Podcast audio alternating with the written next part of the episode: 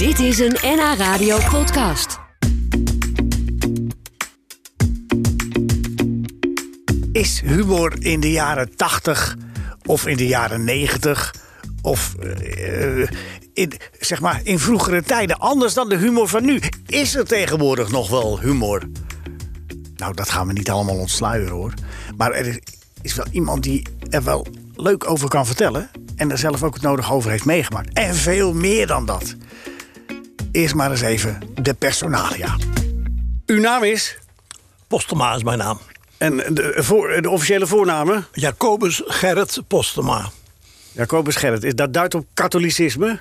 In het geheel niet, nee. Het was een buitengewoon eh, heidens eh, toestand. Oh, en, Alleen was het zo dat mijn vader vond het goed dat mijn moeder de kinderen eh, liet dopen.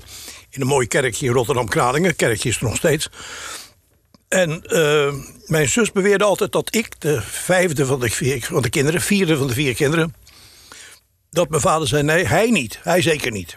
Mijn vader was een principiële socialist, geboren 1894, gelijk met de SDAP, te Zwolle. Kijk. Toevallig, toevallig. Oh ja. Nou, Rotterdamse trambbestuurder, die zei, dat geloven is allemaal niks. Is buitengewoon een heidense stad uit Rotterdam. Eigenlijk altijd geweest, is nu natuurlijk veranderd. Maar Maar jouw vader was, jouw vader was trambestuurder? trambbestuurder, ja, bij de RET, voortreffelijk bedrijf. Hij stierf helaas in 1936, toen was ik vier. Ik heb dus geen, ik kan niet vertellen over mijn vader. Mijn zus van 95, die dus nu nog bestaat, kan nu nog gewoon vertellen hoe ze met hem wandelde naar de Oude Dijk en naar de Kralingerhout. Dat was toen zo'n bos wat eigenlijk net af was toen. Zoals het Amsterdamse bos, eigenlijk ook een beetje uit die tijd, crisistijd, jaren 30. Door werkloze mannen allemaal aangelegd. En eh, die kan daar nog over vertellen dat hij dus eh, ziek thuis was en weer bij moest komen. Want was hij op, op de tram, op de tram was hij dan weer ziek geworden. Oh. En ze En, zeiden eh, weet later je- dat hij ziek werd, vooral omdat hij was dan de bestuurder. En toen kon je nog instappen bij de bestuurder. Dus die man stond voortdurend, zoals zij dan zeggen... Op de tocht. moeder- ja, dat zei mijn moeder. Hij stond altijd op de tocht, daar kreeg hij last van. En daarvan. En hij had een Oh. slepende ziekte en dan sterft hij. Dus eigenlijk als hij 42 jaar is, dat was zelfs in die tijd toch vrij jong. Ja. En dan komen er allemaal mannen, want er werd vrij jong gestorven. Uit die arbeiderswijk, die waren dan eh weduwnaar geworden. En die kwamen bij mijn moeder, die zeiden... Lena, kunnen wij niet verder gaan? En? Was en dan zei mijn moeder, nee hoor, die weduwnaaiers, die moet ik niet hebben. Prima. Ja, ze heeft ze ook al mijn kleinkinderen, al mijn kinderen, dus haar kleinkinderen, zei ze... ik noemde het altijd maar weduwnaaiers. Toen zag ik, die kinderen waren toen acht en tien, verbaasd opkijken. Wat dat dan voor mannen waren. Oh, ja, ja, ja. Maar, maar je moeder was wel, eh, je- maar, ik bedoel, was wel pensioen van de RET. Want je zei, een Ja. buitengewoon goed bedrijf. Daar bedoel je mee dat je Uitstekend mo- bedrijf. Niet dat was natuurlijk een eh, zogenaamd ja, klein pensioentje. Ja. Maar ik weet nog wel dat ze altijd zei... eh, ja, in mijn- da- dat is mijn tas hoor, die daarboven ligt. Daar zitten mijn pensioenpapieren in. Ja, dat was wat. Kijk, dat soort overheidsbedrijven... ten eerste hadden die in de jaren 30 voor de oorlog...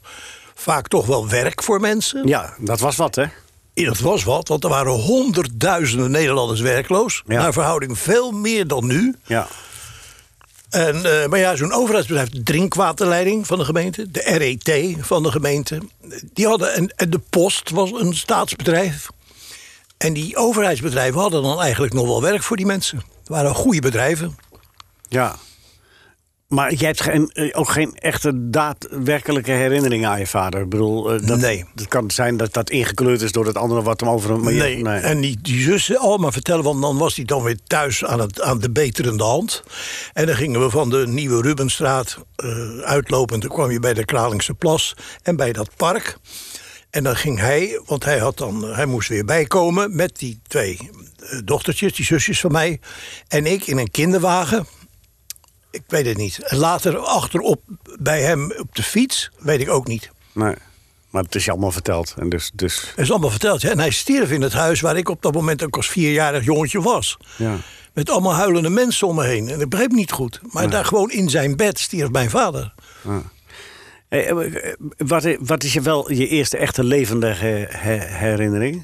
Is dat de oorlog of is dat eh, het bombardement? Of zit het daar wel Nou, daarvoor? het, is nog wel, het is wel daarvoor. Iets daarvoor. Dat eh, kwamen spannende tijden aan. Dat kon je dan merken. Want je was dan als kind, eh, als drie, vier jaar, nou ja, vierjarig jongetje thuis. Eh, niet naar de kleuterschool, want dat was toch gevaarlijk. Dat was niet gevaarlijk, maar er dreigde iets. Dus mijn moeder ging dan naar de waterstoker. Die had je toen nog beneden. Dus we woonden twee hoog, twee trappen af. En dan zag ik haar door het raam boven als kleine jongen met andere vrouwen, de armen altijd over elkaar. Praten, praten, praten over de crisistijd, de werkloosheid. Je zag allemaal mannen op de hoek van de straten, jonge mannen, allemaal werkloos. Een broer van mijn moeder die kwam als een soort plaatsvervallende vader steeds bij haar. Een werkloze broer.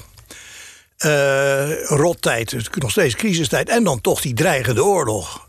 Die komt dan totaal onverwacht. Denk, maar je hebt dus als kind het gevoel van, van, van uh, de, dus geen warm gevoel gehad.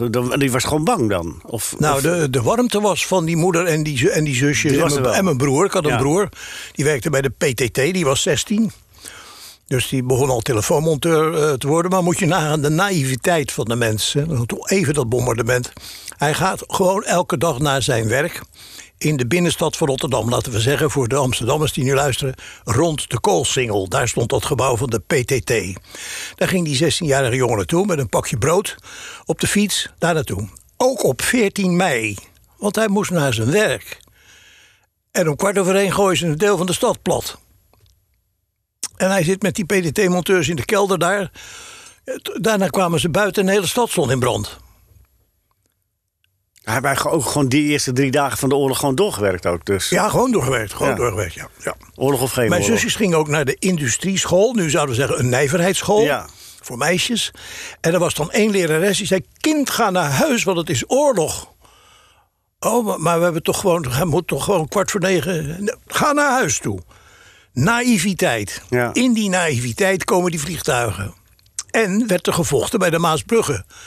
En dat je zegt, dat wisten jullie toch, dat was, dat is 10 minuten fiets. Als je nu van die plek waar mijn huis stond, mijn geboortehuis stond, naar de Maasbrugge fietst, dan doe je er 10, 12 minuten over. En een wandeling, nou, dik half uur. En daar werd gevochten. En niet zo'n beetje ook. En die Duitsers die kwamen daar maar niet overheen. En dan is Hitler ongeduldig en die zegt: We geven een klap. Dan geven ze zich wel over. En, en, en was jou, is jouw, hui, jouw huis ook... Uh, Totaal. Ja. Ja, het begon vreselijk te, te schudden en te trillen. En uh, ja, moest, mijn moeder dan, ja, nam haar pensioenpapieren mee in het tasje. Allemaal wat zomerkleren. Ik had een kort broekje, een blouseje aan en schoentjes. Meer hadden we niet. Nee. Twee trappen af. Die trappen die schudden heen en weer. Geen speelgoed of een boekje of Niks. een, knuffelbeestje? Of, Niks. uh... En buiten hadden we dan één geluk. Wij zaten aan de grens van de bommen. Dus als je door de mistige toestand heen rende, kwam je in de Lusthofstraat, die er nu nog is. En waar in die buurt nu een kleinzoon van mij economie studeert. Vlakbij die plek, dus ik heb hem de plek wel aan kunnen wijzen.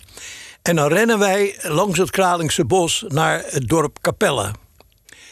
De wegen naar de Brienoordbrug, die waren er helemaal nog niet. tijd. Dat waren gewoon uh, landerijen, weilanden, graanvelden. En daardoorheen renden wij dan naar Capelle, waarvan mijn moeder dan zei: uh, daar woont tante Anna. Dat was uit haar familie. Dus zo'n keurige oude christelijke tante Anna. Die vader was dus de volstrekte heiden. En de moeder was dan, uh, uh, ging naar tante Anna. Daar, daar, kwam ze niet vaak meer, want die was altijd in het zwart gekleed. Maar die ving ons toch op en kom maar binnen kinderen en bidden. Ik had nog nooit bidden gezien, maar daar zat maar te bidden. Dat het voorbij zou zijn. Het ging niet voorbij. Je zag de brand in de verte van de stad. Het brandde ja. als een fakkel. Mooi weer, voorjaarsweer. Wind, nou dat wil wel. Maar dan zet je daar bij die tante Anna. Hoe lang heb je daar gezeten bij die ja, tante Anna? Een paar dagen. Ja, toch wel dagen. En mijn broer, die dus naar het PTT was gegaan, die is door de stad gaan zwerven. Want die, die dacht, ja, die kon niet door de branden, branden naar ja, zijn huis. Zijn moeder was weg, dus hij had veel ellende. Hij was dan 16 en toen is hij aan de randen van de stad gaan lopen. En wie zaten daar? De voetbalvelden. Dus het zijn natuurlijk allemaal jongens. één dag na het bombardement voetbal daar op het veld van Xerxes. Tuurlijk. Neptunus, die zitten allemaal aan de rand van de stad. Eigenlijk nog. De honkbalclub Neptunus. Maar hij wist niet waar, je, waar jij was, Nee. waar je, hij wist niet waar jullie waren. Nee, en toen is een oom van me ook nog gaan zoeken door die, door die brandende stad en die stinkende stad. Het stonk ook verschrikkelijk. En uh, nou ja, toen is hij, ja, hij is gaan zwerven en uh, hij heeft ons teruggevonden. Mijn moeder had er veel verdriet van, die zat steeds te huilen. Maar na, na laten we zeggen, eh, het bombardement was op 14 mei. Dat 18, 19 mei liep hij ineens langs dat huis. Hij was gewoon door de stad gaan lopen en eh, overal vragen. Heb je mijn moeder misschien gezien? En, hij is zelf misschien op het idee gekomen om naar tante Anna te gaan. Dat gaat hij ook ja, dat zou kunnen. Dat hij, ja. Ja, zou kunnen. Tante Anna kwam wel eens op visite en dan waren we lacherig en giechelig. Want er was een vrouw in een, in een zwarte jurk. Ja. En, eh, Ja, ja. Was het ook streng in jouw beleving? Ja, die tante, Anna, ja, nou ja, streng. Het was die taal die je niet begreep, hè. Die, eh, ja, dat... eh, ja, dat, zeggen, dat, dat, dat christelijke praten, dat vonden wij gek. Want Ja. dat, dat deed mijn vader nooit, helemaal nooit. En, eh, Maar Koos, je kon niet eeuwig bij tante Anna blijven. Dus je bent eh, daarna zijn noodopvang, zijn ja, toen noodhuizen zijn we naar weer of- een zus van mijn moeder gegaan. Die woonde in wat toen ver weg was, IJsselmonde. Ja. Nu zou je zeggen Rotterdam-Zuid, uitgebreid Zuid. Daar hebben we een tijdje bij in huis gewoond. En dan is er weer een andere zus van mijn moeder. Die zegt, meid, je moet in Vlaardingen komen wonen. Een nieuwbouwwijk, Vlaardingen-Ambacht. En daar hebben we eigenlijk in een erg leuk huis... met voor het eerst van ons leven een tuintje voor en een tuintje achter... hebben wij in Vlaardingen gewoond. De hele oorlog. En dat kon zomaar. Dat, er, was geen woning. de- Nou, een nieuwbouwbuurt, dus je kon daar, eh, er waren nog huizen te huur. En mijn moeder ging daarheen met een trein en de bus. Die waren weer gaan rijden en die heeft daar een huis gehuurd. Oké. Daar heb ik mijn hele lagere schooltijd in Vlaardingen op school gezeten. Een saaiere stad, die bestaat toch eigenlijk niet? Of niet? Een saaiere stad bestaat er toch nou ja, hoe die stad geworden is, verder weet ik niet. Maar wij woonden dan in de buurt Vlaardinger Ambacht. Oké. Een soort buitenwijk. Oké. Zoals je nu de buitenwijken van de steden... Dus je bent erop uit gegaan eh, naar, dit, naar het bombardement? Ja, we hadden een tuin. Ik had nog nooit een tuin gezien. Ja. Het is mooi aan die Duitsers te danken. De Duitsers waren er ook, ja. Maar ja, die... Nee, maar waren- dat je er een tuin had, dan had je maar mooi aan die Duitsers te danken dan. Hè? Dan had je maar mooi aan het bombardement te danken dat je zo luxe ging wonen. Ja, je moet zeggen dat we veel te danken hebben aan een bombardement. Ja, ja, dat is inderdaad juist, ja. ja, Een paar honderd doden, meer niet. Nee. Verbrande mensen. verschrikkelijk. Verschrikkelijk. Eh, ik maak een sprongetje. Eh, hoe, hoe kom je uiteindelijk, want je, je, het is ook de tijd van een gedegen, degelijke beroep. Hè? Je een degelijk beroep moest je Ja. gaan uitoefenen. Dus jij werd onderwijzer, hè? Ben je, je hebt gewoon de, de kweekschool gedaan? Ja, het was dus zo dat eh, die twee zussen hadden onmiddellijk werk eh, bij de coöperatie. Die moesten wel van Vlaardingen met eh, bus en trein, of trein of bus, naar Rotterdam om te werken. Mijn broer ging bij de PDT Vlaardingen werken.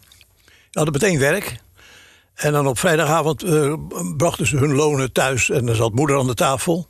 En dan gaven ze allemaal hun kostgeld. Oké. En ik, ik had dus niks, want ik zat op school. Maar ging van de. ben uiteindelijk onderwijzersopleiding gaan doen. Maar dat was, toen zijn we teruggegaan naar Rotterdam. Onder protest van mijn moeder, want die miste haar tuintje zo. Maar de kinderen, grote kinderen zeiden. In Vlaardingen is niks te beleven, we gaan terug naar Rotterdam. Dus in 546 ging het gezin terug naar Rotterdam. Naar de buurt Oud-Matenesse, dat is de buurt tegen Schiedam aan. En, vandaar ben ik naar die, naar die onderwijzersopleiding gegaan. Maar wa- was dat alweer herbouwd? Werd er in de oorlog ook al herbouwd in Rotterdam? Nou, slecht hoor, slecht, slecht. Heeft dat alleen heeft dat echt vier jaar in puin gelegen? Oh, het heeft vier jaar. Het heeft nog jaren daarna. Er zijn fotoboeken van. Als je nu, weet jij, het oude Luxor Theater. Je weet het stadhuis van Rotterdam. Dat is nauwelijks geraakt. Dat bleef staan. De buurt erachter was helemaal weg. Oude buurt. Dus het stadhuis staat er, nu nog steeds. Daarvoor ligt het Luxor Theater. Dat heette in Rotterdam het oude Luxor. Want je hebt ook een nieuw aan de linkermaasoever. Dat oude Luxor is ook gespaard. Nou, daar trad op Wim Kan. En daar kon je erg mee lachen. En daar liep je heen vanaf de tram, altijd als het regende in Nederland, door een soort modder met je enige, enige paar goede schoenen die je had, naar Wim Kan. Waren we 17, 18 jaar. En dan zei hij, ja, een heerlijke stad toch tot Rotterdam, hè. Je kan het het beste op laarzen naar het theater lopen. Nou, een lach in de zaal, mocht, hij mocht dat zeggen. Een grote klerenzooi rond het Hofplein, dat kent ook... Ik denk dat Amsterdammers dat ook weten. Daar zei mijn broer altijd van. Er staat een hele grote deur open, toch er altijd. Het Hofplein, nu een heel druk plein. Ja, daaromheen was modder als het regende. Niks, helemaal niks. Waarom duurde dat zo lang? En waarom is er in de oorlog niet gebouwd? Want de economie ging zo slecht niet in de oorlog. Nee, ze zijn zeker de eerste twee jaar niet. Eh, ze, zijn, eh, ze zijn wel gaan herbouwen, maar ja, het ging toch vrij langzaam. Toch vrij lang. Er is een enorm, enorm lang woningnood geweest. Ja. Toen wij gingen trouwen, toen Ineke en ik zouden gaan trouwen... was er geen woning te huren, absoluut niet. Wat toen mode was, je gelooft het niet, dat was een slaapetage huren. Oké. Mensen gingen hun slaapetage, gingen hun bed naar beneden halen in de huiskamer en verhuurden voor veel geld hun slaapetages. Nou, dat hebben wij niet gewild. Toen heeft Ineke's vader een, eh, een eh, huis voor ons van hout met zijn vrienden samengebouwd op wielen. Er stond op wielen. Serieus? Ja, en s'avonds liet het de paarden uit, zei we altijd. Maar eh, het dat moest. De bouw, bouwafdeling Rotterdam zei, ja, een woonwagen mag wel, maar dat moet op wielen. En hij moet kunnen rijden. Ja, ja, ja. ja. Dus wij zaten op vier wielen. Is de eerste eh, dochter van mij ook geboren. Boven die vier wielen. Geweldig. Ja, aan de rand, ook rand van Rotterdam. Ja. En wanneer was het dan weer een beetje normaal met huizen en dergelijke? Is het begin jaren 60 geweest of zo? Dan, of ja, zo? maar toen ging ik... ik ben, Nee, nee, maar toen werd het Rotterdam, toen was het een beetje voorbij. ja, toen Toen- gingen ze... Nou, toen wij trouwden, Want het heeft ook een tijd lang, heeft Rotterdam de complimenten gekregen... dat, de wederopbouw. ja, en dat de infrastructuur zo goed was in de stad... omdat Ja, maar alles plat was gegooid. ik wou net zeggen, ja. Wat een infrastructuur. De Oh, ja. Duitsers hadden voor een uitstekende infrastructuur gezorgd. Ja, toch? Gewoon een grote klerenzooi. ja. ja. En daardoor had je dat brede Wena. Dus nog, oh, wat is dat Wena toch fijn breed? Ja, hoe zou dat nou gekomen zijn? er staat nou allemaal prachtige nieuwbouw, zoals je ook hier aan de buitenkant van de stad Amsterdam ziet. Maar die breedte en een geweldige, nou, daar kan het tenminste als verkeer een beetje opschieten. Hoe zou dat toch gekomen zijn? Nou, ik weet het nog. Koos, dan krijg je dus de periode dat je kort na de oorlog... Hè, dan, dan is er hè, de Duitsers dit, Duitsers dat, die hebben dit en die hebben dat... en die hebben zus en die hebben zo. Dan krijg je de jaren 50, dan gaat Abel Enstra een keer winnen... van het Duitse elftal, hè, met, met eh, 2-1 geloof ik. En dan eh, komen de jaren 60 waarin het... eh, eh, Duitsland en Nederland goed gaat, economisch. Hè, Ja. Dat is zeg maar een beetje de, de, Ja. de, de, economische welvaart komt eraan. En dan 74, dan zouden we wel even de eeuwige wraak nemen met, eh, met het voetbal, weet je wel. West-Duitsland, Nederland. In. München zou het dan nog gebeuren. Ja, Ehm, dat gebeurt niet. En dan... hoe, hoe, hoe, zit, hoe, hoe heb jij dat ondergaan? Mentaal, je gevoelen, je voelen over, je denken over de Duitsers. Hoe heb jij dat? Je bent een, je bent een, een, een intelligent mens. Maar, je Nou, hebt, ja. maar je hebt natuurlijk wel eh, zeg maar die hele oorlog meegemaakt. En al die periodes in het leven. ja. Nu is het een van de meest. Als je kijkt, zeg maar, een van de meest verstandige naties in de wereld, zou je haast zeggen, de Duitsers. ja zeker. Hoe, maar, hoe- eh, maar hoe ervaar je dat? Eh, nou, kijk, om je heen in de familie. eh, Heb jij ze toch altijd stiekem eh, vervelend gevonden? Of eh, hoe nou, kijk je daar nee, tegenaan? Nee, nee, eigenlijk juist niet. Want je ben je wel toch- mee veranderd? Ja, ja, ja, je had toch meer scholing dan die mensen, dan de andere mensen, dan de ooms en de tantes en zo. Dus die hadden nog steeds over die rotmoffen, klerenmoffen. En Ja. ik hoorde wel eens zo, hoorde ik, hoorde ik een mof. En nou, het was fijn dat me niet tegen die teringmoffen loopt en zo. Ja, dat was ongeveer de taal, jarenlang nog. Ja. Totdat die generatie natuurlijk ook oud werd. En, ja, en bovendien werd Rotterdam al heel snel na de oorlog. Natuurlijk de verbinding. De, grote industriegebieden van Duitsland moesten naar de grote wereldhaven Rotterdam. Dus er werd in de haven nooit gezegd vuile rotmoffen. Nee, er aardig aan hallo, verdiend." daar zijn de Duitsers hier, komt u binnen. Ja. Nou, nou. Het Roergebied dat soort gebieden. Ja. Al die spullen met die schepen. Nu nog, nu gaan kijken in Rotterdam. Dus een en al, het grote achterland is voor een groot deel Duitsland. En dat komt allemaal naar Rotterdam toe. ja. Maar jouw kijk op, de- op, op, op dat, is dat, eh, dat. Heb je ze gehaat? Heb je ze gehaat? Ooit? Nou, ja een, ja, een jongetje van vijf, zes, zeven jaar. Wie weet dat er. Nee, maar wel dat je, ik weet wel goed dat speelgoed ook allemaal weg was. Ja. En dat ik daar vreselijk om moest huilen. En dan zei mijn moeder, ja, maar het hele huis is weg. Dus we zijn ook wezen kijken bij de puin. Dat gingen ze ook meteen ruimen, typisch Rotterdams, meteen aan het werk. Dus je zag overal stapelstenen en één grote vlakte. En dan zei mijn moeder, en er was een straatnaambordje dat ding scheef. Nieuwe Rubenstraat. Dat was onze straat. En gingen ze uitzoeken, zei ze, nou, ongeveer, ongeveer hier heeft ons huis gestaan. En dan zei ik, ja, maar waar is dat eh, kiepwagentje dan? Ik had een waar kiep. Ja, ja dat, is, dat is er niet meer. En dan ging ik huilen. Ah. Hebben ze me later verteld dat ik dan ging huilen. Voor mij was het speelgoed is weg. Ja. En mijn kamertje. En dat ik uit het raam van de tweede verdieping naar beneden kon kijken. Naar de waterstoker. Waar de vrouwen altijd met armen over elkaar buiten stonden te praten. En de roddels doornamen. En Wat deed de waterstoker? Wat was dat? De- Een waterstoker, dat, daar- daar kocht je letterlijk heet water. Ah, dus zo. als ze de was gingen doen, dan ging mijn moeder twee hoog met twee lege emmers naar beneden.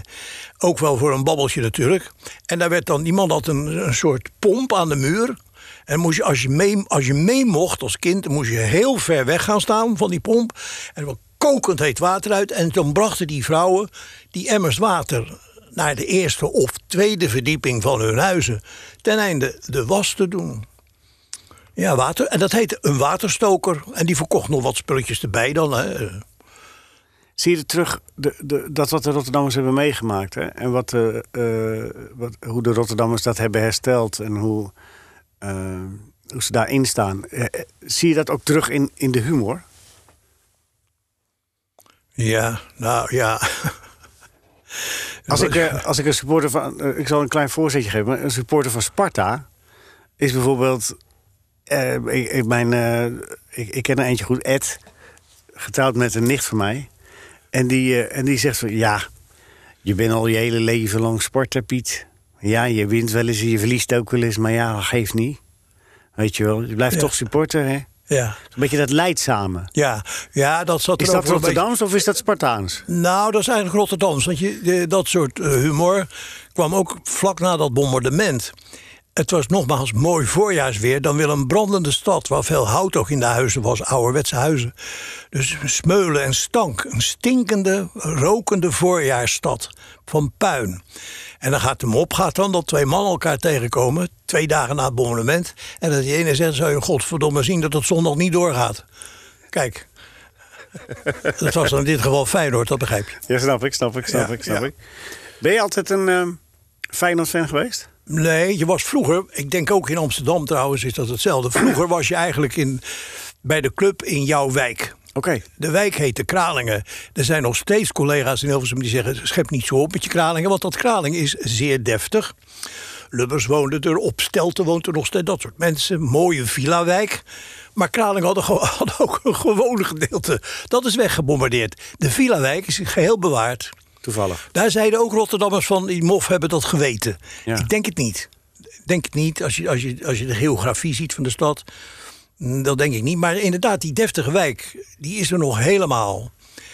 En in die deftige wijk staat nu de Erasmus Universiteit. En daar ligt het klassieke voetbalveld Woudenstein. En daar speelt Excelsior.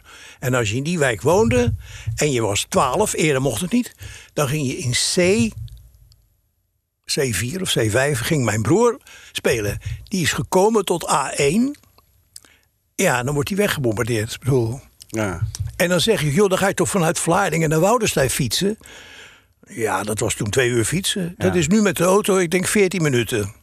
Vlaardingen uit, en gelijk de Grote Rijksweg. En dan stop je gewoon weer bij Excelsior. hij, ging, hij ging een dagje bij Xerxes voetballen, toch? En toen hij aan het zoeken was. Xerxes was dat het noorden van de stad, Moulijn. En daar waren wij dan niet voor, wij waren daar tegen. Nee, nee, maar je broer ging daar meteen na het bombardement even spelen. zei Ja, die, die ging langs die velden lopen. En, en, en dan zag die jongens die die kenden. Zei ze, Jan, speel mee. Dus een brandende, smeulende stad. Dan liepen die aap alweer te voetballen. Ja, ja. Het is ook volkomen logisch Het is een voetbalstad trouwens. Ja, ja, maar het is ook wel logisch dat je iets zoekt Ja, om... ja, kinderen van 14, 15, 16 jaar. Ja. Ja, die kunnen niet, je kan daar niet ook... Ook voor jezelf is het beter toch Nee, om, nee. om er van weg te gaan. Nee. Ehm, maar die humor en de Rotterdammer. Is, het, is er een specifiek soort Rotterdamse humor?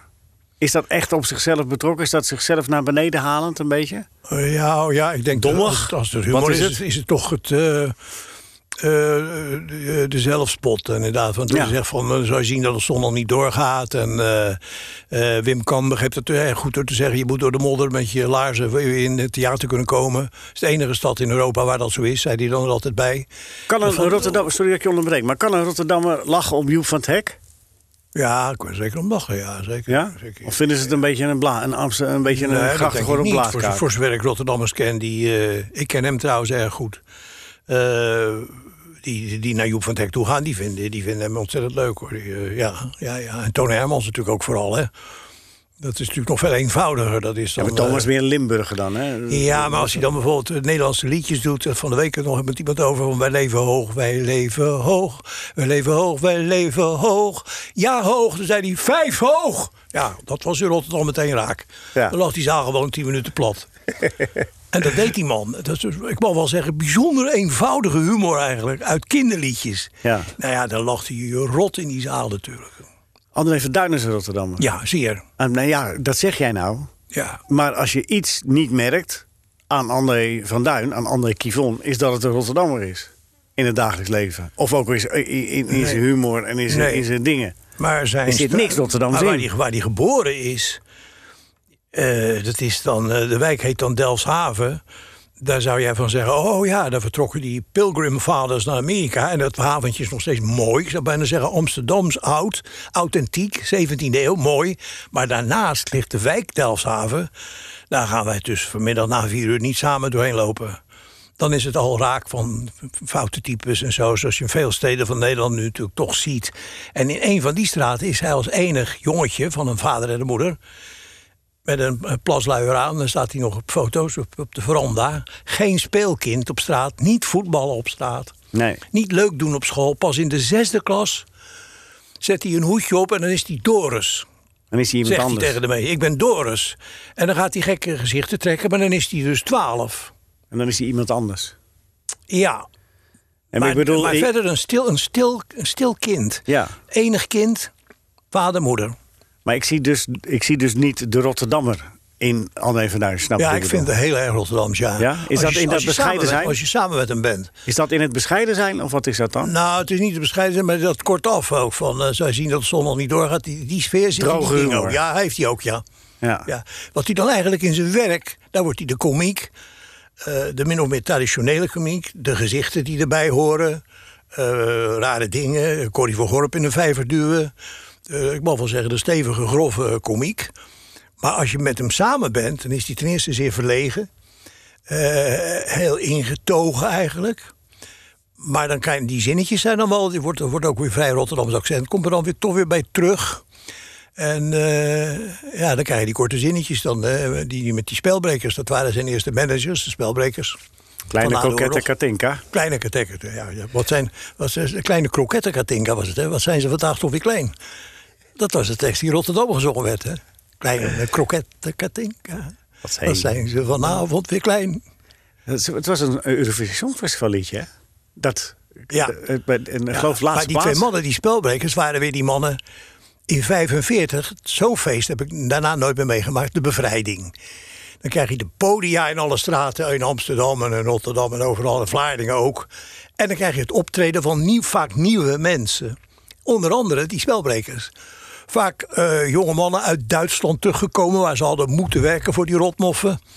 En dan een gitaar en dan, en dan krijg je kleine koket, eh, dat soort liedjes. En die werden allemaal meegezongen. En natuurlijk Trace heeft een Canadees. Natuurlijk. Werd ook gezongen, Trace heeft een buik met vlees. Met een Canadeesje mee geweest. Enfin, dat soort teksten waren natuurlijk, hè. Maar dan kan je eruit knippen eventueel, hoor. Nee hoor, van alle jaren. Maar vindt een Rotterdammer bezwaarlijk dat eh, eh, Rotterdammer André van Duin zo ongelooflijk van Amsterdam houdt? Dat hij zich daar thuis voelt? Of is dat is sentiment? is dat zo is, het, zo is het denk ik niet. Hij, eh, Hij woont daar. Het is een, het is, ja, zeker. Hij woont er. Nou, en heel mooi. Ja. Hij, eh, nee, maar het is geen man om te zeggen... ja, ik hou het hiervan, ik hou daarvan. eh. Nee, maar als- je het aan hem zou vragen... op een bepaald moment, dat hij, dan kan hij nog wel zeggen dat...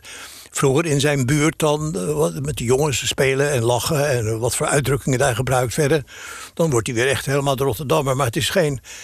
Ja, het is een man... eh, ja, Nee, maar ik bedoel, ik bedoel meer of de Rotterdammer, de Rotterdammer het hem kwalijk neemt dat hij in Amsterdam zit. Nee, nee, nee, nee, Nee? nee, nee. nee. Dat heeft de Rotterdammer niet. Nee, nee, nee. Rotterdam is een wereldhaven, dus die kijken overal op neer. Oh ja. Logisch, dat is vrij eenvoudig natuurlijk, hè. ja. Gaat goed met de club, hè, Feyenoord? Ja, Feyenoord gaat lekker, ja. ja. Ja. die gaan eh, heel, heel snel naar beneden, hè. ja. Ongelooflijk. ja, over dat neerkijken gesproken. Maar eh, Ja. komt er nog een nieuw stadion? eh? Ja, nou, ik hoor daar niks meer van. Ik hoor alleen maar krankzinnige bedragen. Ik denk ook steeds aan die mannen als je daar gaat zitten. Ik, ging, ik, zou- ik, ik was dan bevoorrecht. Ik mocht in een business unit van meneer Van het Wout, een ontzettend aardige man. Die in de straat van Koemoelijn. Nou, daar werd de huur ook met tanks opgehaald. Hè. Dat waren zeer moeilijke buurten. Ongelooflijk. Verschrikkelijk Rotterdam. Daar werd de huur echt met tanks opgehaald. Al voor de oorlog al. En er waren van die straten die hadden ook geen einde. Geen open einde. Een muur. Waarom dat was in die bouw, weet ik niet. Je had een straat, hier de huis, daar de huizen, de middenstraat. Daar werd gevoetbald natuurlijk door de kinderen. En dan eindigde dat in een muur. Op die muur was natuurlijk een goal getekend met krijt.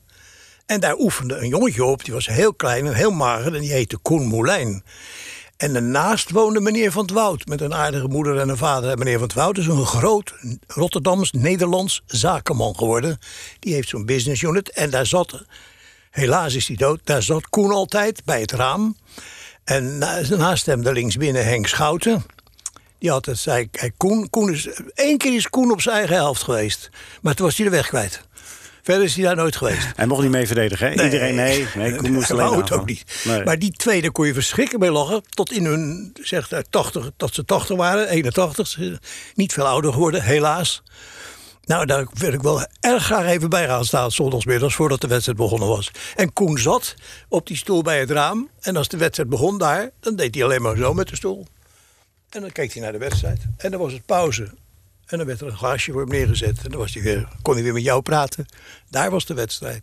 Ja, ja, ja. ja. Geweldige, aardige man. ja. Maar die kwam dan ook uit zo'n... uit Wel een zorgelijk leven gehad, hè, Koen? Maar dat is een ander verhaal. Maar dat, dat, was- dat, kwam niet, allemaal, nee. kwam, dat kwam niet allemaal aanwaaien. Dus eigenlijk wel een typische Rotterdams leven. Eigenlijk wel een Nou ja, een zoon met, nou, ja, een zoon met een ernstige beetje. Ja, rugafwijking, toestanden. Echtscheiding. ja, precies. En, een- en een modezaak. Maar ze hadden op, in Modezaak. Rotterdam-Zuid... eh, hè? En een modezaak. Een mode, ja, maar een hele goede Ja, modezaak. ja, dat ook nog eens. En zijn vrouw die kon dan eh, daar heel goed werken met andere Rotterdamse vrouwen met hele grote jurk aan. En die stonden daar die mensen bedienen. Maar Koen liever niet. Nee. Dus als je nou in die. Een vrouw heeft mij wel eens daarbij van het Wouter even een glaasje in aflopen. En die zei: Nou, we kwamen altijd in die modezaak. Ik zeg: Wat, wat verkocht Koen dan eigenlijk? Nee, ze zegt: Koen hoorde je wel met zijn vrienden. Want die zaten te klaverjassen. Achter, achter, je hebt altijd in de winkel een deur en daarachter is iets, administratie. Ja, en dan zaten er al vier heren uit het eerste Ja, te klaverjassen. ja, ja. Prachtig. Prachtig. Ik herken het. eh Pier Tol heeft een, eh, heeft een sportzaak in Volendam. En eh is ook een tafeltje waar ik graag kom. Ja, Midden in de sportzaak. en het is om te, kleppen, te, te kletsen. Ja, geweldig. absoluut. Ja. Dat was daar ook zo, ja. Hoewel Pier wel voortreffelijk eh, de klant helpt. Dat is een andere tijd. Maar Ja, goed, dat- ja. dat- ehm, ja, Koen Moulijn, dingen. We hadden het over. Even, ja, even dat fijn dat we dadelijk komen we terug op de humor. Vergis je niet. Ehm, maar even Feyenoord dan toch. eh, komt, komt, dat, komt dat nog goed? Komt dat nog goed met Feyenoord? Dat weet ik niet. Of is het, is het, als het slecht gaat, is het ook goed met Feyenoord? Want dat hoort bij Feyenoord. Snap wat ik bedoel? Eh, er zullen eh, van die fanatieke aanhangers zullen dat wel zeggen, maar ik, ik kan niet zeggen dat ik een fanatieke aanhanger ben. Ik wil dat ze winnen, dat wel, maar ik ga niet zo schreeuwen of zo, of, of een eh, rood-witte jurk aantrekken, dat, Nee. eh, dat niet. Maar, eh, Zou je wel staan? Ik weet niet, het is een kant op gegaan die ik ook helemaal niet begrijp. Ik begrijp het helemaal niet. Nee. Het was toch zo dat vroeger...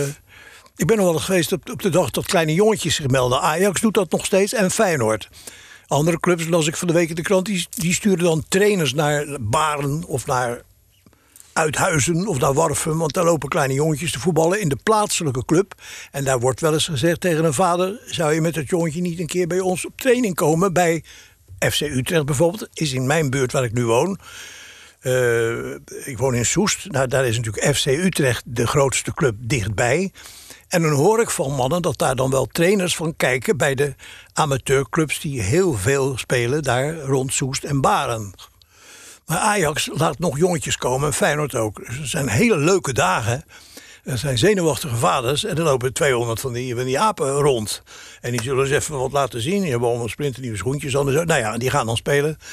Die jongens zie je helemaal niet terug. Eens wordt bij Ajax, weet ik zeker dat in het tweede en het derde team lopen die jongens. En ook wel sommigen in het eerste team. Hoewel je natuurlijk hele grote namen dan moet kopen. En ook koopt eh, Ajax in Europa. Maar ja, die zie je eigenlijk helemaal niet terug. Dus eh, wat ze dan in Rotterdam zeggen, Feyenoord, dat is een vreemdelingenlegioen. Ja. Daar zit, en dat is dom, want daar zit natuurlijk... Er moet iets van herkenning in zitten. Er moet weer een moulijn zijn, toch? Ja, ook dat. Maar een groot gedeelte van het kapitaal eh, heeft Ajax vergaard... door, door Ja. vanuit de eigen jeugd Ja. spelers groots te hebben kunnen doorverkopen. Hebben zij niet gedaan. Nee. Geduld niet Althans, veel te weinig. Die jonge Karskens, is dat die, die verdediger? Karsdorp. Kasdorp, die is niet voor heel veel geld naar het buitenland gegaan. De Vrij. Er is een periode geweest. De Vrij, Ver, Ja, eh, ja. Wijnaldum. de- Ja. eh, eh, maar... ehm, maar dat Feyenoord is er niet. Het Nee. Wijnaldum Feyenoord is er niet. Nee. Nee, we gat overbruggen, want ze hebben Jong Feyenoord laten liggen. Niet in de keukenkampioen-divisie Nee, voetballen. verschrikkelijk is dat. Dus dat gat moet je, dat moet je allemaal overbruggen. En, en wat natuurlijk wel vreemd is, want je kunt vinden wat je vindt van de accommodatie van Feyenoord, maar er kunnen er toch 50.000 in. 40.000, Ja, nou, ietsje minder, hè. Maar, laten we zeggen 40.000. ja, veelal in de regen, hè. Veel mensen. Ja, maar die vinden dat niet erg. Wat een schande is natuurlijk. Ja, maar ze vinden het niet erg om in de regen te Nee, zitten. omdat het hun Feyenoord is. Ja. Maar je kan toch, als je daar een paar gebouwen rondom die kuip heen zet, een paar, eh, dan, dan kun je Ja. er toch nog steeds een hoop centjes verdienen. Zonder dat je een nieuw stadion neerzet. Ja, ze, nou ja, ze waren dan van plan om... eh, 450 miljoen? ja, als je de, er, er zijn dus vanaf de rivier, zeg maar, dan ben je Ja. op, op Zuid. Dan, eh, de meerderheid van de mensen die daar nu woont, zijn niet van Nederlandse afkomst. Dit zeg ik zonder enige discriminatie, maar het is wel een feit. Die hebben geen binding met Feyenoord. Die hebben geen verbinding met Feyenoord. Zodra je de oranje boom staat, het was vroeger op zondagmiddag één groot rood-witte vlag. Ja. Er is nog een rood-witte vlag bij het café aan het begin, dicht bij de rivier, bij de brug. Daarna zie je, geen, zie je wel allemaal winkels open. ja. Die mensen hebben een andere manier van hun, hun zondag vieren. Het is allemaal, allemaal lieve mensen, lieve kinderen, die allemaal spelen. Dan ben je die straat uit en dan zie je links een benzinestation en nog een enge fabriek. En rechts veel spoorlijnen, maar die zijn nodig. Dat zijn de lijnen naar Parijs, in feite naar het zuiden van, van Europa. Die kan je niet weghalen. En als je dan in het midden kijkt, zie je die Kuip, dat stadion. Wat op zich een mooi stadion is. Ja, en verder een parkeerplaats en, en en een politiebureau. En dan een bioscoop tegenwoordig. Maar daar zou dan ook een buurtje gemaakt worden. En dan aan de rivier het nieuwe stadion. Was op zich architectonisch en ook voor de stad een mooi punt. Nou, over dat nieuwe stadion, ik geloof 450 miljoen. Door een heel grote architect ontworpen, waarvan je zegt, nou, hij heeft gigantische gebouwen, ik ben zijn naam even kwijt, in de wereld ontworpen. Maar moet hij nou een voetbalstadion met balkons boven de rivier? Nou, die mannen in die jekkies die ik in de regen zie zitten op zondag, die willen helemaal niet op een balkon aan de rivier zitten. Die moeten gewoon uh, Feyenoord Ajax 2-1.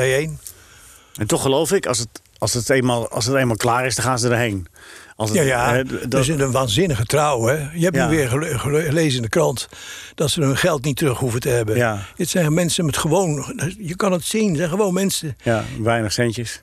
Ja, die Ja. gewoon werken, overal vandaan komen, ook nog uit allerlei plaatsen in Nederland. Ja, ja, overal in Nederland vandaan. Ja. Ja. Dus wat dat betreft zou je die, ben je niet meer zo locatiegebonden in Rotterdam. Je zou het Nou ook, ja, het is wel, het is wel, het is wel, het is Zuid ook, hè. ja, maar je kan het toch, je kan het wel 500 meter verderop zetten, toch? Dat, omdat je Nou ja, net, er zijn andere dat, mensen dat, dat stadion aan de rivier. Ja. Eh, er staan nu wel aardige flats. Overigens allemaal genoemd naar vroegere Feyenoord-sterren Ja. en voorzitters. Eh, dat zijn aardige flats, niet bijzonder, maar aardig. Die staan dan zo dat die mensen ook kunnen kijken op de rivier. Ehm, die staan er al een heel poosje. Daarnaast zou dan dat stadion komen. Die paar bedrijfjes die zitten waren al gezegd, die gaan, wij gaan hier weg. En daar was dan een mooie entree geweest aan de rivier. Eh, Rotterdam heeft ook eigenlijk weinig aan de rivier gewoond. Hm. Ze leven van die rivier. En hoe? En heel goed. Ja, dus en moet een in wereldhaven. Maar dat je nou zegt, we staan daar een mooie flats aan de rivier. Ja, nu eindelijk. Eindelijk nu. Ja. De laatste jaren, eindelijk. Maar vroeger stond daar industrie, want daar moest aan de rivier Daar werd stond verdiend. industrie. Daar, Ja. kwamen de, daar kwamen de Rijnaken. dus ja. Ja. Koos, waar moet jij het hardst om lachen? Wat of wie? Of is, is het iemand die jou aan het lachen kan brengen? Is het een gedachte? Kun jij zomaar ineens in gedachten zomaar eh, eh, Nee, uit het niks, vanuit jezelf? nee. God. Wie maakt jou onbedadelijk aan het lachen? Nou, ik kan om Joep van Dijk heel erg lachen bijvoorbeeld. Ja. Maar jij haalde toen je werkte, eh, in je werkzame leven, stond jou, ook, stond jij ook altijd op humor. Ik bedoel, ja, jij zag wel overal de humor van. Ja, natuurlijk. Toen wij langs de lijn gingen doen. En natuurlijk het voetbalprogramma op zondagmiddag. Eén groot geluk hadden. De wedstrijden waren ook allemaal op zondagmiddag Ja. op PSV na als die thuis speelden. Want die speelde op zaterdagavond thuis. Dat was En een PEC. oude traditie. En Peck speelde ook op zaterdag. Ja, maar verder had je gewoon alle wedstrijden. Die begonnen ook allemaal om half drie. En dat programma werd zo populair dat de KNVB eiste dat we pas na het nieuws van drie uur live radio konden schakelen naar eh Feyenoord Sparta. Kun je je niet voorstellen, hè? Je mocht niet tussen half drie en drie iets Nee, zeggen over de niet. wedstrijd. Nee. En later ook om twee uur, want de wedstrijd om twee uur begonnen we. Soms begon Ja. Om twee uur. Dan mocht je, ook, maar je mocht gewoon niks zeggen. Nee, er was radio, radio. Maar ja. En er was geen televisieconcurrentie, dat was helemaal niet Nee. mogelijk. Maar er was ook geen eh, sociale media, dus, dus ze konden, Nee, ze konden het alleen niet, via dus ons krijgen. radio. Ja. Maar ja, toen hebben wij toch... Ik heb dat eh, zes jaar gedaan met Willem Ruis. En daarna met Felix Meurders.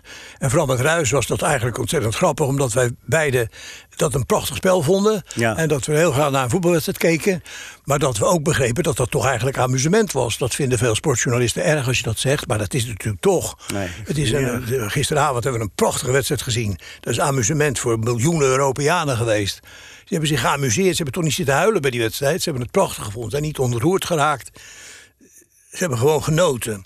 Nou, dat deden wij ook wel. Maar da- daarbij kon je natuurlijk wel, wel eh, ja, grapjes. eh,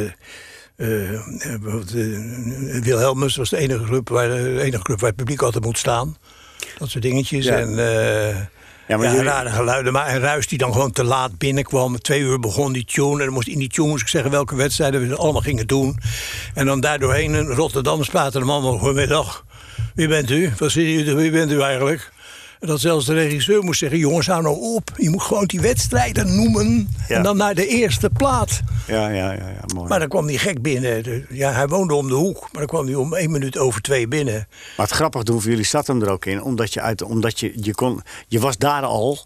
eh, als je dat deed, was je al rebels. Hè? Want eh, de Ja, radio dat- was vrij statisch. Statelijk en uh, majestueus. En goedemorgen, En met dames en Theo heren. Komen kon je die dingen natuurlijk toch. hè? Ja. Het was een merkwaardige man en eh, die- we stonden wel eens wat bij. En iedereen zegt dan, ja, het was niet allemaal even zakelijk. Maar hij was vaak een grappige, leuke man. Wat helaas de luisteraars nooit gehoord hebben. Maar als hij voor de technici geluidsterkte moest geven... dat deed hij dan eh, ergens in Frankrijk voor de Tour de France. En die technicus was een Fransman uiteraard. En dat ging dan naar Parijs. Daar zaten ook Fransen. En eh, van Parijs ging dat naar de andere steden in Europa. Zo ging dat technisch, radiotechnisch. En eh, dan moest hij even, dan zei die Franse technicus: Wilt u even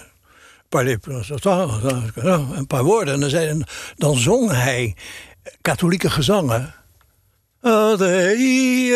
Dat die man verbijsterd was. Tenzij een katholieke technicus was natuurlijk. Ja, die man die deed toch ondeugende, grappige dingen. Ja, Theo, maar Theo eh, heeft voor priester gestudeerd, hè? Die wilde pater Ja, ja, ja, ja, ja, zeker. En, en, eh, en, maar die deed op de laatste dag van de tour... deed hij altijd eh, zeg maar een uur voor de uitzending... Ja. via de motor voor iedereen die eh, in Ja. de volgerskaravaan... eh, Ja. deed hij een, een, eh, heilige mis. Ja, ja, ja, kende die, kende die helemaal. Ja, ja, ja. Prachtig. Ja. Ja, maar wij hadden daar ook wel lol in, omdat... eh, Ja, terug naar jullie twee. Want jullie, eh, dat zeg ik, jullie waren. eh, Theo Komen was dan rebel. Maar dat speelse kwam door jullie gedrag Ja. steeds meer in, in, in ja, Want Ik weet nog dat ik begon in 82 bij Langs de Lijn. En dat ik op een gegeven moment ook keer dat je me- merkte, je werd, toen kwam Felix ook in de presentatie. Ja. En jij je moest als verslaggever heel scherp zijn. Want je Ja. werd altijd wel op een bepaalde manier ja, aangespeeld. ja, ja, zeker. Ook de verslaggevers hadden het, hadden het vaak moeilijk, ja. Nou, nou ja, of leuk. Ja, als je ja. het leuk vond, vond je het leuk. bijvoorbeeld Heinze Bakker, dat ook een ontzettend aardige man. En hoe het ook ge- geregeld werd, die had toch vaak een wedstrijd in Friesland. toch Heerenveen, want Mom en Heid, Pop en Heid, Heid en Mem, Heid en Mem moet je zeggen, die woonden daar nog steeds. Ja. Dus dan ging Ruis naar hem toe. Om aan te dan moest hij naar de wedstrijd toe. Eh, Heerenveen tegen Pek Zwolle of zoiets. En dan moest Ruis er naartoe. Zei Ruis, eh Heinze. Ja, zei hij dan. Was hij al zenuwachtig. Dat, dat hij niet had gezegd, we gaan naar de wedstrijd. Heinze, kom er maar in of zoiets. Een cliché. Ja. Dus hij zegt, Heinze, ik heb even een vraagje. Ga je nou straks warm eten bij Heid en Mem? Ja, dan was die jongen apropos helemaal kwijt. En moest alweer naar uh, Heerenveen Pek. Ja, mooi. Toch mooi. al niet leuk natuurlijk. Nee. Heerenveen Pek. Nee, andersom heb ik ook wel eens een keer gedaan dat ik in de studio was. Ik, eh, ik moest eh, helpen of zo. De- de- ging Felix door de week een keer presenteren. En dan ging we steeds naar Bert Nederlof. En het was een wedstrijd van Go Ahead tegen Telstar. Maar ik wist wel veel van Telstar. Dus ik voerde Felix steeds met allemaal informatie over Ja. Telstar. Dat hij dan weer aan Bert doorgaf. Ja. Dat die Bert die zei, wat weet jij veel over Telstar? Hij is natuurlijk helemaal verbaasd. Ja, prachtig. Maar met komen kon je het spel altijd doen. Die was ook bereid om te gaan naar Telstar tegen iets heel ergs ook. Ja. Een heel erge wedstrijd waar je niet naartoe wil. Maar ja, hij nam die wedstrijd. En het is zoals we weten vlak bij de kust. En die wedstrijd werd steeds vervelender. Bij de anderen waren dan net afgelopen. Dus dan zei Jaap, de regisseur, zei joh... Jaap toch nog maar even naar Theo, die lult altijd wel wat. En, eh, en dat wist hij ook, dat we dat op die reden deden. En dan kwam hij al lachend kwam hij erin en zei hij... Het is op dit moment zo dat boven het strafschopgebied... de eerste meeuwen zich nestelen. En helemaal niet over de bal, helemaal niet over Telstar. En aan het einde zei hij, oh ja, het is 2-1. Ja. En dus komen, wat je ook van hem vond of vindt... hij deed mee in dat, in dat spel. komen was vakman. Ja, En vergis je niet, hè? Theo was op de hoogte. Ja. Van, hij, waar waar hij was, daar- hij wist, hij wist, hij Ja. wist, eh, Ja. hij wist wel degelijk waar hij, over, waar hij het over had. maar ik heb ook wel naast hem gezeten in, in Frankrijk in de auto. De technicus, Theo en ik. Want ik mocht dan een weekje mee voor de gezelligheid. En dan rijden. En, en, dat, en dat peloton kwam dan op gang in de loop van de middag. Die gingen doorrijden.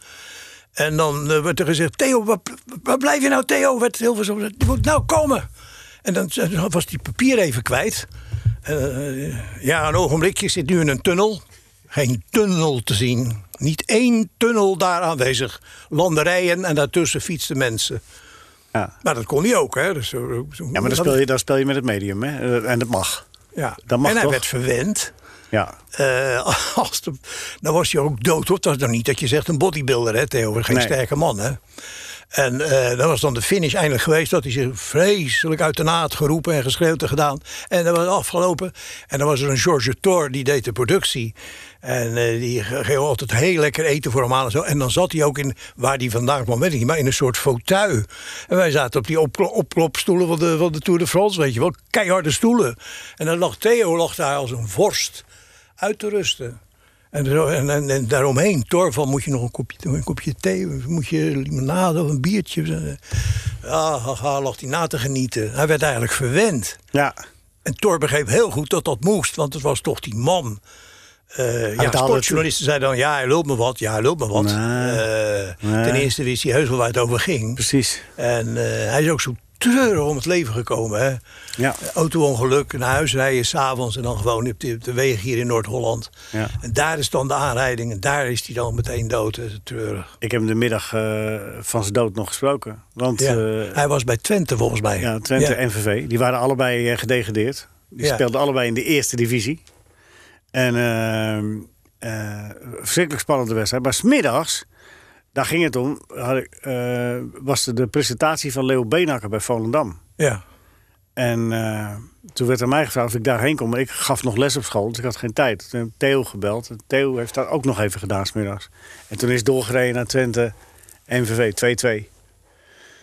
En eh, ja, dat, dat, ja, geweldige man. ja. Man. Als Ja. je in de Tour de France... Ik heb nog in een 84. kamer naast hem geslapen. Want je ging dus van dag tot dag naar hotels. Uitstekende hotels. Door die Tour allemaal geregeld. Kostte de NOS heel veel geld. Ja, ons dus. Veel meer dan andere ploegen eh, uitgaven. Dan de Belgen of de... Maar de Tour deed dat gewoon. En dan... eh, ja, dan, dan- eindelijk viel je in slaap. Je had s'avonds stond al een glaasje gebruikt. Ook natuurlijk een drukke dag. 12 uur, 1 uur naar bed. En de volgende morgen vroeg op. Ver te rijden met een auto naar de volgende start en zo. En dan werd ik wakker morgens van getik. Dan zat Theo, de kamer naast me, een snabbel te tikken. En ik is dat voor? Ja, voor een schippersblad. Het schippersblad. Ja, moest ook nog wat. Wat tik je? Ja, het gaat niet over de Tour de France. Maar gewoon een leuk stukje voor het schippersblad. Ja, huppatee. Links en rechts snabbelen en eh, toestanden, ja. Ja, maar Theo moest ook een schaduwgezinnetje onderhouden, hè, bleek later. Ja, daar moeten we het eigenlijk niet over hebben, nee. nee. Nou ja, dit, dit, Nou, dit is wel bekend. Daar heeft nooit iemand of... nee. Maar het is inderdaad een verhaal, hè. Ja. Ja, het verhaal wat we hier niet vertellen, mensen. Dat zijn de Nou, mooiste. we vertellen het hem wel straks dan. hè. Ja, we vertellen het. we vertellen het. Bart, dan vertel jij het later weer door. Aan iemand anders, die vertelt het dan weer hier. Eh, eh, Koos, ehm, mis jij het, werk, het werkzame leven? Mis jij dat? Nou... Of ben, je- ik heb- ben, je- ben je wel, Ik ben, je- heb ben je wel vreselijk lang gedaan ook. voel hè. je je wel net zo oud als je bent? Want dat denk ik niet. Ja, je nou ja, goed, ik ben je bent eh tamelijk diep in- 88. Dat, ja, Je bent tamelijk diep in de 80, ja, we zeggen, zo, dat ja, zou, je, 88, ja. ja. zou je jou niet geven. 86, hooguit. Nee, nee. nee, maar ik bedoel, je zou ook een kwieke... Je gaat ook een kwieke 70er, toch, Bart? Nee, maar ik denk Even dat... serieus. Je hebt, eh, je hebt ze allemaal nog op een rijtje. Ja, dat allemaal nog wel. Maar nee, er zijn er nog mensen van 40, van 30, van 50 die... eh, Maar luister je, lu- lu- luister je en kijk je naar dingen dan van... Oh, nou in mijn tijd, in mijn tijd, in mijn tijd ging dat altijd wel... eh, Bekijk, ben je zo iemand? Dat je verbitterd terug luistert en Nou kijkt? ja, dat of- is natuurlijk gevaarlijk. Als je gaat zeggen, in mijn tijd waren we beter. Ja, dat zijn dus anders. typische oude mannenkwaal. Ja. Ja, daar moet Heb je je erg die? voorzichtig mee zijn. Heb jij die? Nee, ik, heb dat niet. ik vind sommige jongens verschrikkelijk inderdaad. Maar er zijn er ook die heel goed zijn. Ik bedoel, Jeroen Pauw is natuurlijk geweldig. En eh, die jongen van de EO vind ik geweldig. Thijs- Eh, Thijs van der Brink. Thijs, die vind ik erg goed. En eh, een hele bescheiden jongen, maar een hele goede interviewer. Hè? En, Thijs is top. nou ja, die zijn dus, ik vind dat er minder vrouwen zijn. Er is geen, absoluut geen Sonja Barend. Hè. Er is ook geen Linda de Mol, wat voor vrolijke programma's ze ook maakt. Maar zo'n vrolijkheid in programma's is er niet. Mies Bouwman is er niet. Nee. Komt dat? Ja, dat weet ik niet. Dat weet ik niet. Het zijn allemaal intelligente meisjes, lang op school gezeten. En, eh, nou, interviews, dat valt wel mee. Presenteren. Maar ik vind het allemaal een beetje vlak. Allemaal een beetje hetzelfde. Zien Ja. er goed uit. Ja. Mag dat soort vrouw mag niet meer op televisie of zo? Wil je, wil je dat eigenlijk een beetje zeggen? Van, eh, Vrouw, Vrouwelijke wel, vrouwen? vrouwen zijn veel vrouwen op televisie. nee, terecht. maar, nee, maar ik bedoel een vrouwelijke vrouw. Een Mies Bouwman vrouw, wat je zegt, dat, dat mag dan, dat, dat heb je niet meer. Maar dat Ik moet zou er nu niet één kunnen zeggen die zo'n soort familieprogramma doet. Niet. Hmm. Ik zou niet weten wie je dat moet geven. Maar ja, er zijn vrouwen die heel goed werken. Want er is een vrouw bij de rijdende rechter. Ja, Die is een verbindend qua teksten met Ja. die ruziezoekers. Ja. En, wat nog belangrijker is... Ze gaat een half jaar later kijken hoe het er dan is. Ja, dat vind ik het Dan leukste. gaat de rijdende rechter niet mee. Nee. Maar dat is eigenlijk een zware taak. Die mensen hebben een vreselijke ruzie gehad over een heining of over een heg. ja geweldig hè? Hoe is het nou een half jaar later na de uitspraak van die rechter? En dan gaat zij doen. Een soort zomerprogramma. En dat doet die vrouw uitstekend. Dus ik, ga niet zeggen, want er zijn een goede vrouw televisie. Maar ja, zeg gewoon, eh, ja, journalistiek zijn ze nou goed. Maar ja, Koos, maar als je 88 bent, hè, dan, dan valt er om je heen een en ander weg. zeker. Dat, dat, is, dat is onontkoombaar. Maakt dat het allemaal minder leuk? Ja, dat maakt het minder leuk. Op dit moment, mijn vrouw is dus kort geleden overleden. Ja. Dat, eh, hoe lang ben je daarmee mee Nou ja, drie kwart jaar. Maar, maar, Nee, maar hoe lang heb je daarmee geleefd met je vrouw? Ik ken haar, zes- ik ken 60 haar, jaar? ik kende haar vanaf haar 16 en ik was 18. Dan mocht het net, hè? Ja, ja mocht dat, ja. En dan hadden we heel weinig zakgeld. Dan ging je toch naar het venster, naar de goede films. Hier zou je zeggen Criterion in Amsterdam. Zo'n bioscoop. Ja. De goede films. Je Italianen. Ogen, je ogen gaan glinsteren, hè, als ik het daarover heb. Huh? Je ogen gaan glinsteren als je het daarover hebt. Ah, dat was ook een heerlijk, heerlijke tijd, ja. Ja. En nu die ene jongen, een van die kleinzoons, studeert dus in Rotterdam. Ja. In de Voorschoterlaan, de naam zegt het al, een deftige laan. Die was stil van deftigheid, dames en heren. Nu zitten daar in veel huizen studenten. Dus als je de laan nu inloopt, denk je, hebben een merkwaardige blauw-witte vlag. Eh, het is nog geen Xerxesbuurt of zo. Nee, helemaal niet. Maar dat is een studentenvereniging. Dus hij zit met zes jongens in een huis, wat ze natuurlijk helemaal uitwonen. Maar daarnaast zie je nog wel eh, zo'n deftige dame uit het huis komen. Het is een merkwaardige buurt. In die buurt heb ik haar leren kennen. Want daar zat de opleiding voor onderwijzers. Ineke. En zij kwam in de, een klas lager. In die onderwijsopleiding in één klas hoger. En toen zag ik haar. En, nou ja, goed. En daarnaast, daar ligt nog steeds de gymnastiekzaal waar we naar gymnastiek gingen. En dat kerkje waarin ik Nederlands hervormd gedoopt ben, staat daar nog. Een beeldschoon kerkje. Ja. Ze hebt nog houvast. En als ik naar links kijk, ik ga er met die jongen, die student, loop ik, eh, hij is overigens twee meter, een voorstopper is het. hè.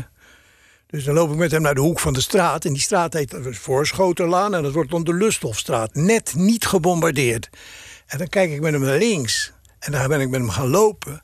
En na 120 meter is er een soort lelijk, eh, lelijk einde van een straat. Nu nog steeds. Ja, dat was de rand van het bombardement. Ja. Dan hebben de Rotterdammers niet dat je zegt, nou, we ma- maken een beetje een leuk parkje. Nee, dat is lelijk, lelijk. Ja. Er loopt ook een grote weg dan ineens doorheen. ja. Efficiënt, efficiënte stad. Heb je het goed gedaan? Hm? Heb jij het goed gedaan? Wat heb ik goed gedaan? Zo dat, dat die 88 jaar door, eh door Ja, dat denk ik toch wel. Ja, anders word je het niet, hè? Ja. ja, dat is fysiek. Maar verder, heb je het goed gedaan? Ja, dat denk ik wel, ja. ja, ja. Ik heb toch wel een mooi leven gehad, hè? 60 jaar geleden bij de radio begonnen. Ik ben er nog. Eh, ik ben er nog. Dol op radio, nog steeds. Met het oog op morgen. eh, toch twaalf jaar woensdagavonden gedaan. Nou, die langste lijnperiode, dat is ook geweest van, is ook 12 jaar geweest, van 77 tot 89. Eh, nou, wat je noemt de, oerradio, de radio zoals die moet en kan zijn. Ja, dan is de radio ook, ook verrukkelijk natuurlijk. Er zit Ja. niet die poespas omheen en dat gezeik steeds. En, eh, Maar als dat je meest dierbare dan wegvalt, zoals eh, pas, pas gebeurt, eh, krijg je dan iets van, nou ja. Of, ze- of maakt dat voor jou niet uit? Blijft het, blijft het dan toch. eh, Nou ja, het is natuurlijk eh, eh, er is een enorme stilte gevallen. En eh, ja, achteraf gezien was het misschien ook niet nodig geweest. Was dan typisch wat je dan bij, meer bij vrouwen dan bij mannen ziet. Dus er groeit een invaliditeit, het slecht lopen, nog slechter lopen, nog slechter lopen. En dan krijg je de wereldberoemde tegenwoordig mode bijna heupoperatie. En die slaagt heel vaak, zeker als je 60 bent. En dan is het zelfs min of meer eenvoudig. Maar ja, toch 86. En dan komt een bacterieaanval. Ja, en die winnen. Na Dus het enkele ook- weken. het, ging ook, het is dan plotseling gegaan. En die worden bestreden, maar die winnen van, van de bestrijdingsmiddelen. En dan is ze op zich dus een vitale vrouw. Zij het dan, dan moet je met het lopen en uh, loopding had ze al. En, eh, ja, dan, dan valt het helemaal heel erg tegen. Hè? ja, Als je nou zegt, ja, het is de gevreesde ziekte, zus en die. ja. En de eh, moeder had dat al. En nee, die moeder is geloof ik 134 geworden. Die mensen werden allemaal oud in die familie. Ja, Dus zij had die, zij had die kans ook wel. ja. Maar er zijn nog genoeg leuke dingen, Koos, of niet? Nou ja, die je- kleinkinderen, die je vijf kinderen- kleinkinderen. ja. nou, vanavond zijn er weer twee om te koken.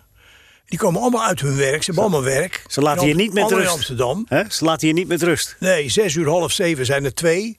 Morgen twee anderen, twee jongens. Er komt de voorstopper uit Rotterdam met zijn broertje die iets kleiner is. Is een half spelertje. En eh, ja, dan komen die twee jongens en ze kunnen ook allemaal op een of andere manier koken. Want het zijn allemaal van die kinderen die hier op kamers zitten in die stad. In, meestal nog leuk in de binnenstad. Ja, Ja, Amsterdam heeft het over nu, hè? ze vinden, dat moet je niet aankomen als je zegt van weet je wat je doet.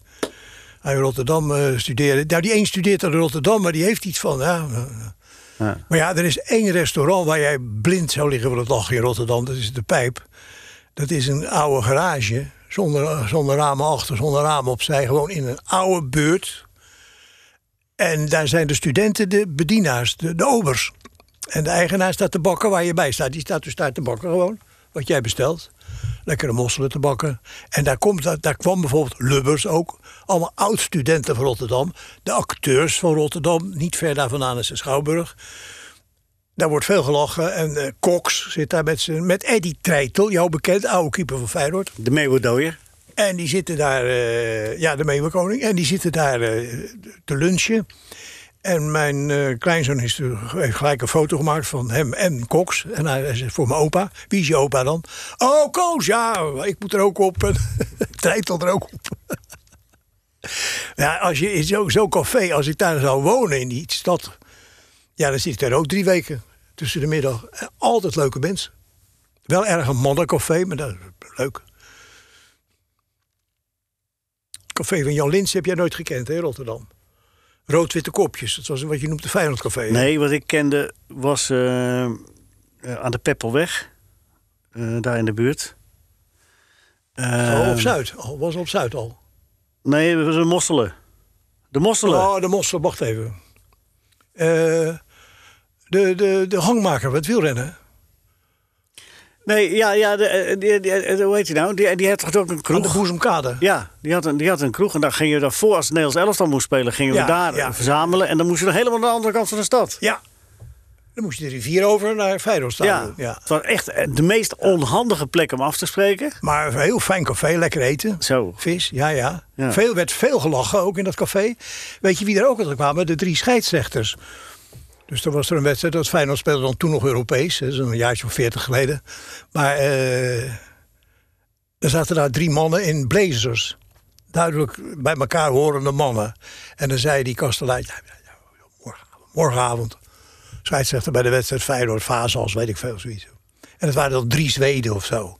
En die werden dan door een Rotterdammer ook min of meer versierd. Daar lekker eten. Joopie Zeilaert. En daarna gingen ze nog naar andere bedenkelijke plekken. Joop Zeilaert. Zeilaert, dat was de eigenaar. Ja. Gangmaker van... eh en zijn- Snor. En zijn dochtertje is... eh, Nee, zijn zoon is getrouwd met de wielrenster. met Leontien. Leontien van Morsel. Ja, ja, ja. De Ja. Gouden Snor. Ja, de Gouden Snor de zaak, ja. Ja. Ja, nou, daar is het gezellig. Dat is nog steeds heel gezellig. Kijk, daar zou ik dan ook wel vaak komen. Want Gerard met zijn ploeg, die zit dus één keer bij de Pijp, heet dat. één keer bij de Gouden Snor. En één keer bij een heel gezellig café-restaurant op Kralingen. Dat zijn dus eigenlijk ook, volgens mij zijn het ook mannen alleen. Dus één vrouw en drie mannen. En volgens mij zijn het vier ja, alleenstaande of alleenwonende zijnde mensen. Nou ja, Treitel kennen we dan, dat is een oude keeper. Die heeft een uh, glazenwassersbedrijf, hè? Ja, hij heeft van alles gedaan. Ja, ja. Zijn eigen ruit tegengegooid. Nee. En, en de meel, En die en schoot de meel dood, hè? Ja, op, op, op Spangen. Op, op Spangen deed hij dat. Meeuw ligt in het, in het uh, tentoonstellingshuis. Ja, ze zeggen dat het een andere Ja, ja, meeuw ja. is. Maar Koos, tot slot. Wordt Feyenoord nog een keer kampioen? Ja, maar ik denk dat ik dan 188 moet worden in plaats van 88. Wat er nu gebeurt, ik weet het niet. Het zit, het zit niet goed. En ook dat, dat gezeur over dat nieuwe stadion. Ineens is het weer uit het nieuws. En dat is eigenlijk toch, moet ik eerlijk zeggen, on-Rotterdams. Want ze hebben vanaf 45, het begon al in de oorlog eigenlijk, die stad op moeten bouwen. Hele wijken, Ja. maar ook allerlei structuren van de stad tot die wereldhaven te maken. Dat hebben ze toch eigenlijk fascinerend gedaan. En ook qua eh, Museum Boymans moet sluiten enkele jaren vanwege eh, enorme lekkages, waardoor die kunst beschadigd kan worden. Dan bouwen ze daarnaast een depot. Nou, dan moet je voor je plezier gewoon heen. Dat is niet een depot met tijdelijke schilderijen. Dat is een soort grote koffiekom. En daarbovenop is een park. En daar kan je ook in. En daar bewaren ze dan schilderijen. Het is, het is geen museum. Nee. Maar het is mooier dan het hele museum. Misschien Ja, moeten ze dat doen. Misschien moeten ze, Ja, die moet- dingen, die dingen maken ze. Zulke dingen. Misschien moeten de, de, de Feyenoord eh, maar een, een, tijdelijk, een heel mooi tijdelijk stadion maken. Heel mooi tijdelijk. Ja, of ze, er zijn toch ook moderne architecten die zeggen dat die kuip op zich Ja, wordt wel degelijk groot, nog iets groter gemaakt kan worden. En dat er wel degelijk in de moderne architectuur dakmogelijkheden zijn. Ja, we gaan het afwachten. We gaan Maar je hoort wijn, het is een beetje, het is een beetje Amsterdam stil. Die maken ook niks. Niet veel althans. Tot slot, Koos. Alles helemaal tot slot. Heb je thuis op, heb je dan de wc-rol zo van, de, van binnen naar buiten of van buiten naar binnen? Zit het aan de muurkant of aan de. Zit het. Ik geloof van buiten naar binnen. Is dat, is dat buiten naar binnen? Ik weet niet. Ja, ik weet het ook, ik weet het ook niet. Maar ik vind het niet belangrijk. Ja, wel. Als het maar afscheurt. Ja, maar ja, dat, als je het aan de muurkant hebt, dan schuurt het wat moeilijker af hoor. Nee, maar het zit in ieder geval gunstig. Ja, dus je, Ik heb je- geen vuile broek nu als je dat denkt of zo. Nee, je, maar je rolt het van je af zo. Verder. Nee, dat, eh, ik moet zeggen dat ik daar dat dagen voorbij gaan dat ik daar aan zou kunnen Moet je denken. eens op letten eh, volgende keer. Ja, daar zou ik voor te scherp op letten. Ja, fijn dat ik nog zo'n lesje meekrijg Uit Amsterdam. uit Amsterdam. Ik vond het een, een voorrecht om met jou te praten, Koos. Oké. Zullen Nou, vaker, zullen we het nog een keer doen? bak er maar wat van. Ja, we Ja. kunnen nog wel een paar keer doen. Ja. Nee, we gaan, het, eh, we, gaan dit, eh, we gaan dit zo integraal uitzenden. Nou, dat denk ik niet. Nee. Denk het wel, hè? Uitzenden? Ga je het uitzenden? Nee, dat ook weer niet. Nee, nee. Dankjewel, Koos. Ga je goed. Blijf gezond. Blijf gezond, Koos. Ja, natuurlijk. Het zal wel, ja. Dankjewel. Tijdje nog, oké. Dit was een NH Radio podcast. Voor meer, ga naar nhradio.nl. Radio.